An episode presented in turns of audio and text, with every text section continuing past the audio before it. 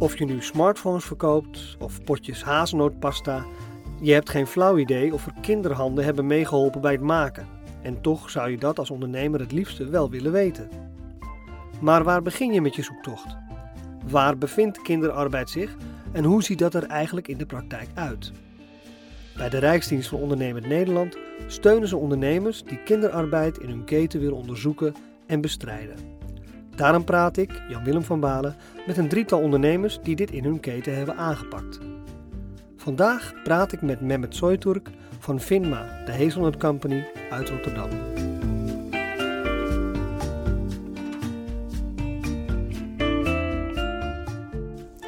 Nou, Mehmet, we zijn uh, bij jouw bedrijf Finma in uh, Rotterdam. Je haalt de hazelnoten uit Turkije, hè? daar komen ze vandaan. Hoofdzakelijk, ja. Ja. En hoeveel wordt daar geproduceerd? Behoorlijk deel toch van de wereldproductie? In Turkije wordt gemiddeld elk jaar zo rond 600.000 ton hazelnoten geproduceerd. Turkije produceert uh, 85% van de wereldproductie. 85%? Ja, elk jaar tijdens plukken ben ik daar. Ik pluk mee met uh, collega's. Je plukt je eigen hazelnoten? Ja, ja, ja. ja maar dat, is niet, dat mag geen naam hebben. Dat, misschien een ton of twee ton hazelnoten, dat is niks. Nou, dat, uh, als je het plukt, volgens mij ben je een tijd bezig. Nou, in je eentje zou je dat uh, binnen twee weken wel plukken. Ja, ja. Want als wij twaalf mensen in dienst nemen ja. om het te plukken, dan zijn wij binnen een dag klaar. Oké. Nee, dat valt best wel mee. Ja, het is niet zo moeilijk. Het is maar die plantage, dat, is, dat heb jij georven van je vader, is nog steeds ook uh, binnen de familie. Dus je bent ook een beetje een boer. Ik ben boer, ja, inderdaad. Ik, ben, uh, ik ben echt een boer, ja, inderdaad. Zou je niet zeggen, want je zit mooi in, uh, in, je, in je pak met je, met je stropdas. Toen ik begon, in 79, durfde ik niet met spijkerbruk naar mijn klant te gaan. Dat werd al niet kwalijk genomen, maar dan kwam, kwam je gewoon niet vertrouwelijk over. Ja. Dan was je niet serieus. Nee, nee. En terwijl toen je begon weer natuurlijk zaken doen, dus je ging echt in pak. Ja. ja. En ja. Uh, dat heb ik nog niet uit kunnen trekken. Ik weet niet Nee. Zeg, en ehm uh, nou ja, goed. We zijn hier natuurlijk ook vanwege het verhaal dat je daar in, uh, op de plantages uh, de gezinnen zag. He, die, die, die trekken uit, wat, wat is het, Oost-Turkije ieder jaar naar de plantages toe. Ja, Oost-Turkije, West-Turkije. In beide gedeelten worden hazelnoten gekweekt. En die, uh, de plukkers die komen grotendeels uit Zuidoosten. Dat Ja. moet je zich voorstellen. Noor- uh, Noord-Irak, die kant op. Ja, En West-Iran. ja. ja.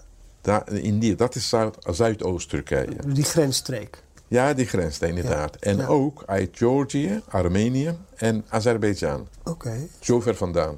En die 1200 gezinnen die, die trekken dan uh, naar de plantages toe. Ja. En die nemen hun hele gezin mee, kinderen inclusief. Inderdaad, dat gaat, uh, dat gaat uh, ik moet zeggen, wel een beetje dramatisch. Hè? Als je dat ziet, uh, onder welke omstandigheden en onder welke omstandigheden dat ze komen, daar naartoe al. Dan moet je zich voorstellen, zo'n kleine busje, nou, met vier, vijf kinderen, misschien zelfs zes, omdat de mensen uit Zuidoosten meestal meerdere kinderen hebben. Maar als je dus ziet dat de mensen met vier, vijf kinderen in zo'n kleine busje, hè, Ja. plus hun slaap spullen, eetspullen en, en, uh, en, en tenten, hè, dat die meegaat. Nou, uh, zij komen als een vracht eigenlijk naar de plaats waar zij gaan werken. Ja, en je vertelde ook dat sommige plekken waar ze zouden slapen, dat het daar s'nachts heel erg stonk, vertelde je mij ook? nou, in, zij gingen meestal langs de kanten van rivieren. Zij hadden daar niet echt uh, sanitaire uh, voorzieningen, zoals uh, wc, douche. Ik weet niet hoe ze dat allemaal dat deden. Dat was net wat ik zei. Het, het is gewoon dramatisch. Het, was, het, was, het, het, is geen gezicht, om eerlijk gezegd, in deze tijd. Ja. En dat heb jij zelf gezien, toch ook? Dat, dit soort dingen? Ik, ik heb dat gezien, ja. Ik heb dat gezien, inderdaad. Ja, ik heb dat gezien. En wat deed dat dan met jou, als je dat zag? Uh, nou, dat doe je niet goed natuurlijk. Hè. Dat raak je aan. Dat raak je aan. En, uh, en vooral die, die ouders, wat deden ze? Nou, uh, die lieten hem niet achter bij de tenten. Die namen het mee naar de velden. Terwijl wij de ouders werkten, de kinderen speelden. En andere kinderen die iets meer volwassen waren, zeg maar, die Ja. zou kunnen plukken. En die Ja. gingen hazelnoten plukken tegen misschien kleinvruchten, omdat dat zij eigenlijk niet een loon zou kunnen verdienen. Het komt hierop neer, eh, mijn kinderen, die zitten of op zomerschool of op vakantie. En deze kinderen hier, wat kunnen wij daaraan doen? Eh, ik heb met een aantal partners en ook andere leveranciers over de omstandigheden van de seizoenarbeiders naar gezien te hebben, gesproken te hebben, Ja. hebben wij besloten, kunnen wij daar wat aan doen?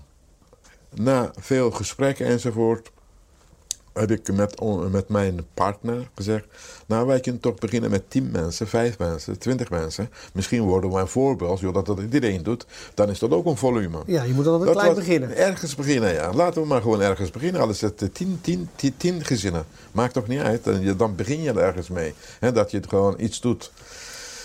Nou, zo is het eigenlijk begonnen. Ja, toen hebben wij dat, dat, dat dus helemaal 100% gefinancierd. Toen eh, hebben wij in Turkije nog een, eh, nog een eh, vereniging gevonden die dat soort projecten ook steunde en Ja. geïnteresseerd was. Ja. Die hebben wij bijgetrokken. En later, de Turkse overheid, die vond het ook prima idee. En, en, en alleen, zij wilden ons niet financieel sponsoren, maar om het eh, ruimtes beschikbaar te stellen. Zoals eh, eh, in de zomertijd heb je schools die vrij zijn. Ja. En dat soort dingen. Of gebouwen van overheid die niet gebruikt zijn, wat wij wel konden En gebruiken. daar, daar kunnen de, de arbeiders dan verblijven. Tuurlijk, verblijven. En eh, wij konden daar ook eh, de kinderen opvangen. Oh ja. En eh, in de zin van zomerschool Ja. hun bezighouden. Ja. En leuk ervoor zorgen dat zij alsnog, alhoewel dat ze niet op vakantie geweest zijn, alsnog het vakantiegevoel te geven. Oh ja. Maar daarnaast was ook een van onze plannen dat wij ook die seizoenarbeiders gingen opleiden. Ah, ja. Eh, mensen van de seizoenarbeiders die weten hun rechten niet. ja. Wij gingen hun rechten vertellen, waar Oh. zij allemaal op recht hebben en zo. Maar uiteindelijk wil je het groter en groter maken en heb je het Ja. RVO contact. Eh, toen wij zagen, nou het gaat, het loopt. Toen hebben wij een, een, een, een projectleider in dienst genomen. Dankzij haar eh, hebben wij nu een team. Die bestaat uit eh, eh, vier, vijf sociaal medewerkers. En twee die doen andere zaken.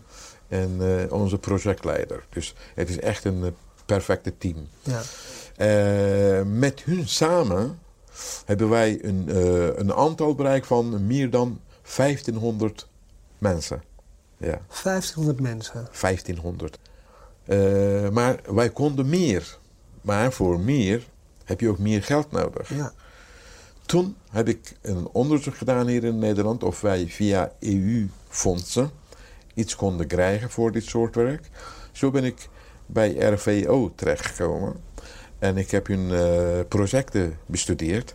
Zo hebben we een aanvraag ingediend. Ja.